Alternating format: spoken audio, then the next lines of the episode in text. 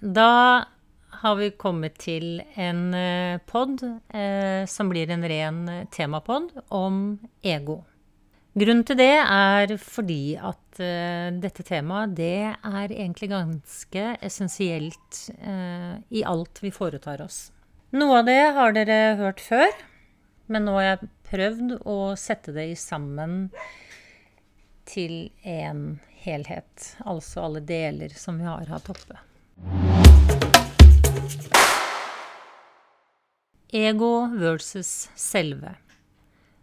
Bevissthet versus underbevissthet.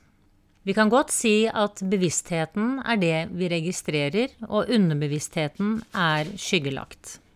Dette er to deler av det samme. Men det er forskjell på å ha en bevissthet og være bevisst. Og siden våre handlinger blir styrt av det underbevisste, er det svært gunstig å være bevisst. Faktisk 95% av våre handlinger er styrt av underbevisstheten. Det er derfor vi ofte tenker at nå skal jeg begynne med det, eller nå har jeg bestemt meg for det. Og så er det ikke så det blir, fordi handlingene ender opp med noe annet. Å ha en bevissthet betyr at du og jeg er klar over jeget altså det individuelle. Det vi ser, det vi viser, det fysiske. Identiteten vi viser utad. Vår tanke om oss selv. Og den er på bakgrunn av egne overbevisninger, lærdom, og kanskje mye som en gang ikke er ditt eller mitt eget, men påført av andre. Og andres overbevisninger. Så det du ser, er jeg, og det du ikke ser, er meg. Å være bevisst er når jeg selv, og her ligger det i ordet, jeg og mitt selve, altså jeg og meg, samarbeider. Da blir det ord til handling. Det gjør meg konkurrent, og livet leves ut ifra min egen autentiske sannhet. Her er det også en terme hvor vi sier at det ler fra hodet, har ikke kontakt med kroppen. Noen sier i forhold til ego at man er kuttet av halsen. Eh, det er bare for å sette et bilde på det.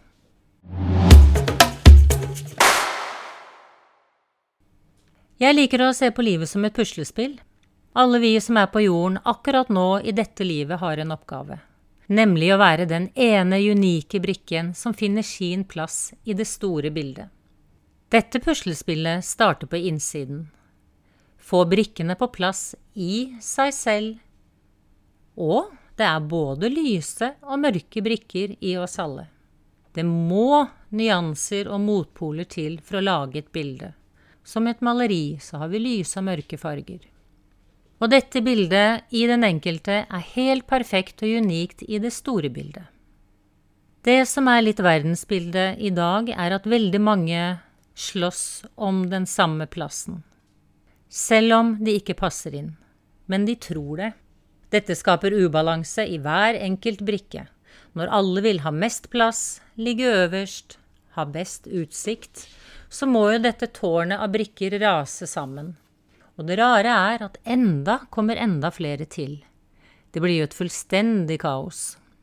Det blir jo ødelagte brikker, knekte brikker, brikker som må limes og lappes og gå i terapi i årevis. Den som har pusla litt, vet at det kreves litt tålmodighet å pusle. Tålmodighet er en dyd når det kommer til å pusle. Men med fokus så blir bildet ferdigstilt. Og når man pusler, så er det også ofte at man starter med å sortere disse brikkene i forskjellige bokser. De som er kanter, de som er hjørner, eller etter farger. Og så begynner man på den ene boksen og prøver flere plasser inntil man endelig treffer the perfect match. For det er jo meningsløst å putte et hjørne i midten av bildet og håpe at det skal gå opp. Og det vil også gå utover resten av helheten. Vi er alle en treenhet, kropp, sinn og sjel. Tre deler, men av det samme. Hjernen er en del av kroppen, sinnet er alt imellom og rundt, energien, denne finere substansen som ikke er fysisk materie, sansene våre. Sjelen er personligheten, eller personlighetene våre. Den som er her for å erfare seg selv i en fysisk kropp.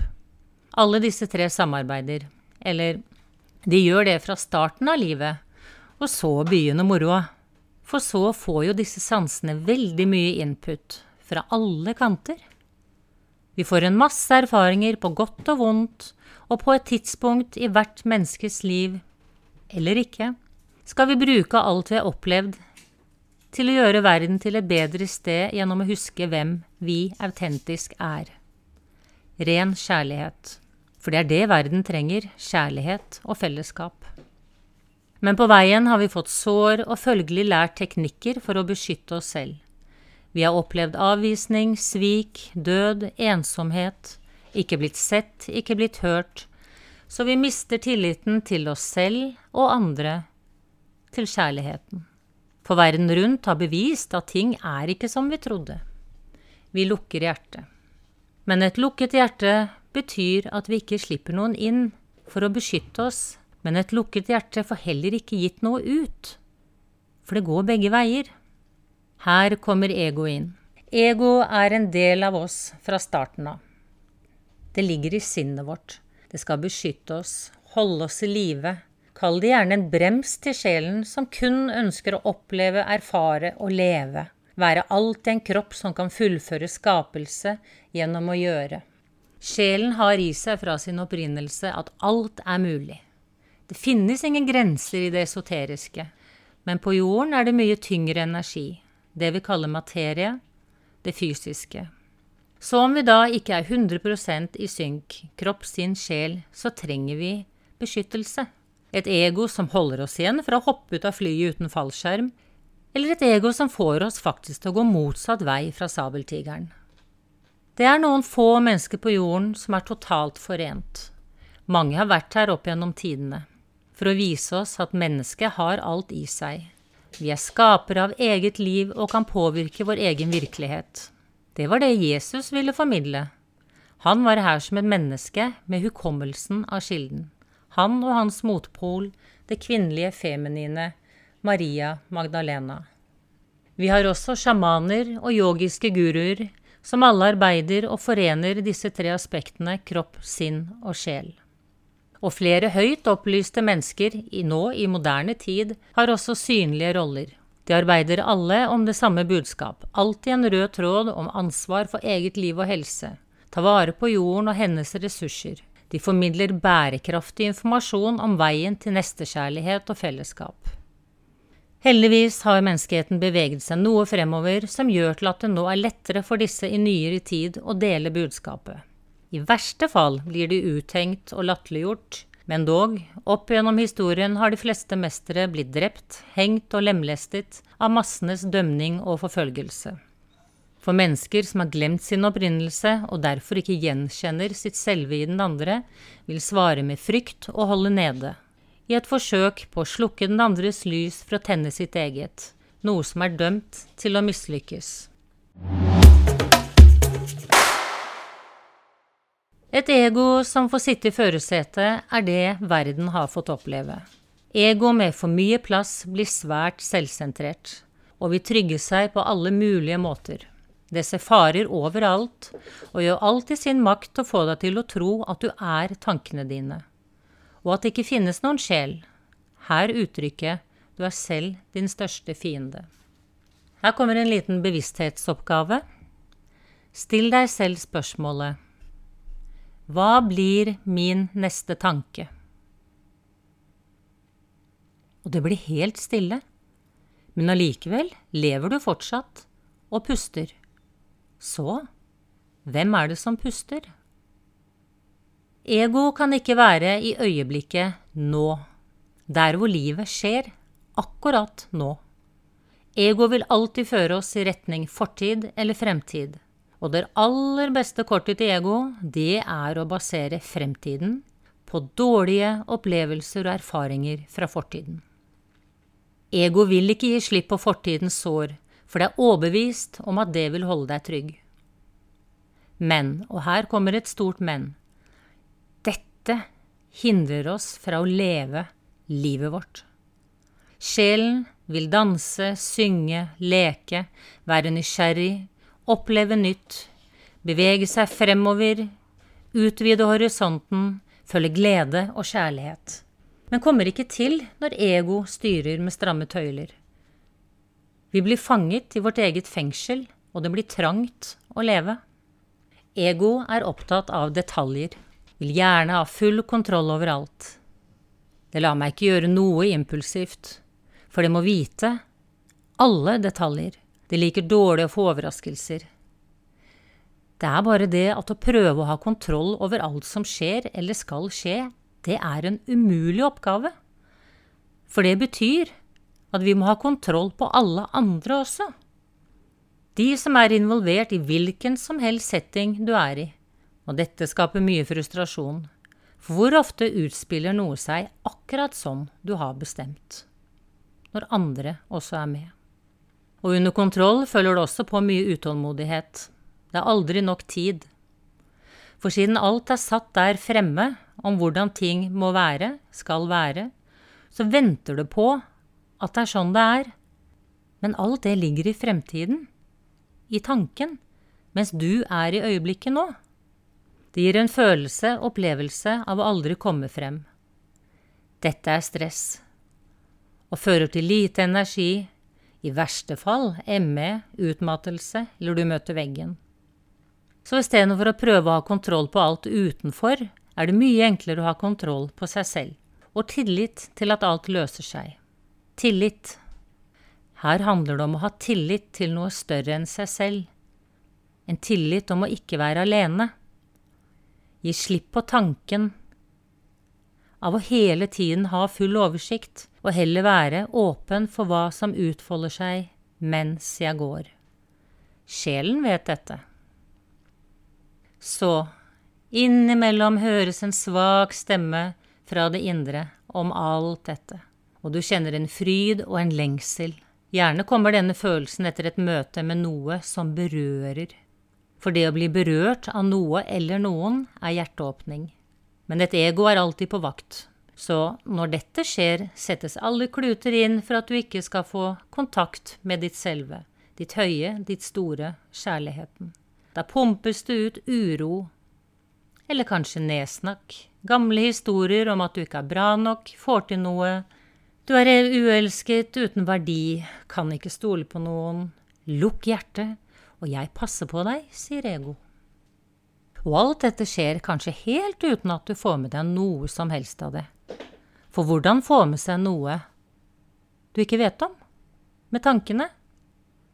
Det eneste som erfares, er en uro eller en følelse av å være utilfredsstilt. Men sjelen vet, og kroppen kjenner det. Et bevisst sinn vil stoppe opp og la alt komme til overflaten. Slippe alt opp i lyset og se nærmere på saken. Få klarhet i hva det er som foregår. Kanskje lite, kanskje litt større, og kanskje det er alt som skal til. Bare stoppe opp, puste, kjenne etter. Og uroen forsvinner. Rett og slett fordi du gir oppmerksomhet til deg selv, ditt selve. Dette er egenkjærlighet. Og all kjærlighet jeg ønsker å se verden eller oppleve, starter i meg selv. Jeg kan ikke elske noe eller noen mer enn jeg elsker meg selv. Så min opplevelse er at ingen elsker meg? Ja, da må jeg ta en sjekk hvor mye jeg elsker meg selv. Hvordan snakker jeg til meg selv, hva tenker jeg om meg selv, hvordan behandler jeg meg selv, hvordan lar jeg andre behandle meg, og hvordan setter jeg grenser? Et sinn som har en bevissthet uten å være bevisst, vil med stor sannsynlighet når følelsen av uro kommer, gjøre noe, komme seg unna, begynne å rydde, vaske, trene, se på TV, sette seg foran PC eller telefonen, ta seg en røyk, drikke, kanskje bli veldig trøtt, sovne eller begjære sex. Alt for å slippe unna seg selv. Og ego kan fornøyd vokse seg enda litt større. Nå tar jeg med noe som kanskje mange vil tenke er vel svevende. Kanskje reiser det seg en motstand i deg som gjør til at du helst vil skru av og avslutte podden, men hør meg ut. Vi er ikke alene i dette universet. Som sagt før er alt energi. energi av lavere og høyere frekvenser. Alle barn kommer inn i verden fra kilden som ren kjærlighet og uskyld, med et sunt, beskyttende ego. Det er krefter som har funnet denne delen, denne ego-delen i oss, og på veien ned henger på oss, la oss kalle det en alien, eller en installasjon, en programmering, i ego. Denne delen som står for frykt, altså den sunne beskyttelse. For alle vil vi jo oppleve frykt, altså følelser av de lavere frekvenser, som avvisning, tvil, lite verdi osv., i større eller mindre grad. Hvorfor jeg tar med dette, er fordi denne installasjonen nærer seg på frykt, altså energi. Den ønsker at jeg er redd, sint og har følelsen av å være alene. Disse følelsene som igjen kan få oss inn i angst, depresjon, videre til full kontroll og trange rom. Eckhart Tolle, en verdenskjent mann og mester som kan oversettes til lærer til menneskeheten, har en hel bok om dette. Den heter En ny jord, og her kaller han denne installasjonen for smertekroppen. Smertekroppen trenger føde, altså energi for å vokse. Og vi har forskjellige smertekropper ut fra oppvekst og miljø. Mennesker som er nede i de lavere frekvenser hele tiden, eller de som stadig ypper til bråk, har en tung smertekropp, mens andre har en lettere.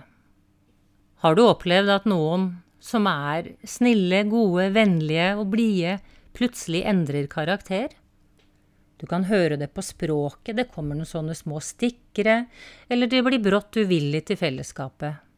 Dette er veldig tydelig med barn. Da er det smertekroppen som reiser seg, den trenger føde. Da vil den gå etter å aktivere en annen smertekropp. Vinn-vinn for begge smertekropper, gjennom å søke konfrontasjon, eller hente opp gamle sår. Er det ingen andre tilgjengelig å fyre opp, kan du også søke noe på TV eller nyheter om hvor dårlig stelt det er med verden og menneskeheten. Alt for å få deg ned i de lavere frekvenser hvor du egentlig ikke er så godt å være. Etter en god fight eller input går smertekroppen i dvale, og det blir ro i leiren. Smertekroppen blir litt større og du litt mindre. Hvor lenge det går til neste måltid, er helt opp til størrelsen på smertekroppen. Ønsker du noe mer utdypning om dette, så anbefaler som sagt Eckhart Tolle En ny jord.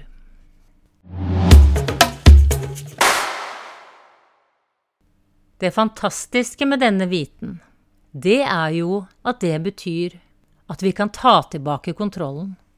Husker dere, bedre å ha kontroll over seg selv enn alle andre og verden rundt. Hvor mye kontroll jeg liker å ha på omgivelsene, forteller meg hvor mye jeg er kontrollert. Å få kontakt med, ditt, med mitt eget selv, det er også her intuisjonen ligger, magefølelsen da uten innblanding av installasjonen. Da kan jeg være i øyeblikket, og intuisjonen viser veien. Den autentiske, egne veien fra øyeblikket nå og videre til neste øyeblikk.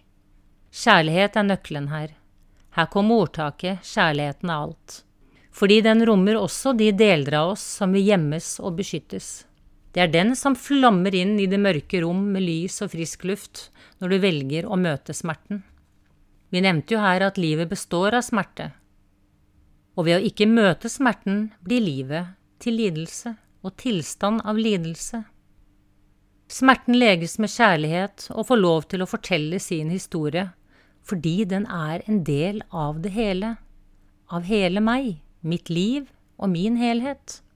Å velge bort smerten er å velge bort deler av meg selv.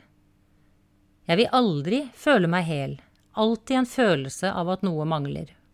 Så bli bevisst denne installasjonen som ønsker å holde deg kneblet. Ta tilbake makten over eget liv. Og det usunne ego krymper, og du vokser deg større. Modigere, mer uttrykksfylt og ærlig. Mer glede, mer raushet til deg selv og andre. Men det stopper ikke her, for når vi tar tilbake det guddommelige i oss selv, så gir vi det videre.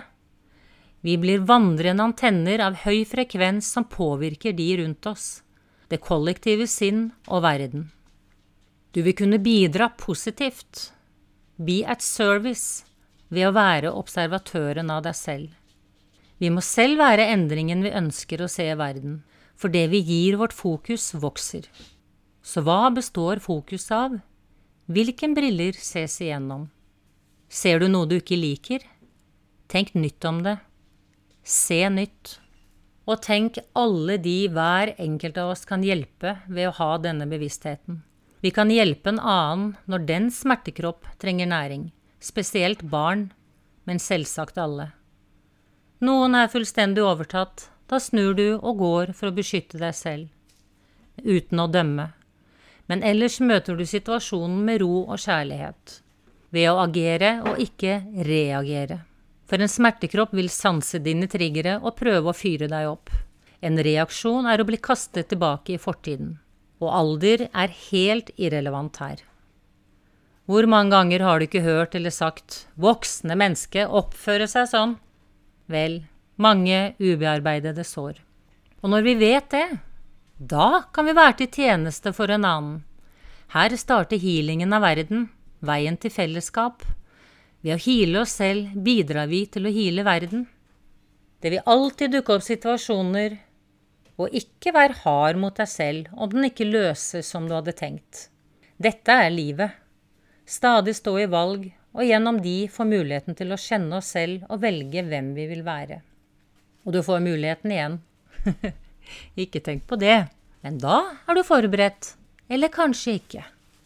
Men aldri gi opp eller stoppe opp. Selvkjærligheten til deg selv og andre maner deg til å fortsette.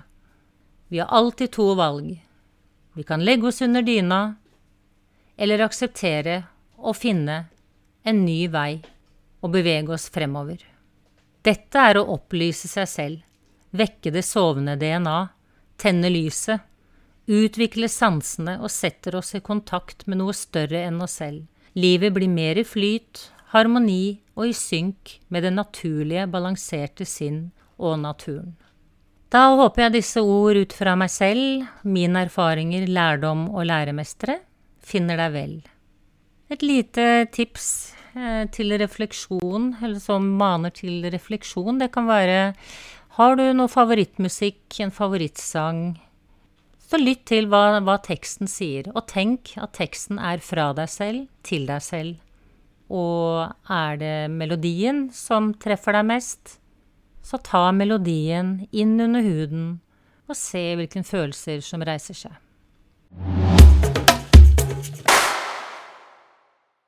Livet er enkelt og fantastisk. Lys og kjærlighet. Takk for meg.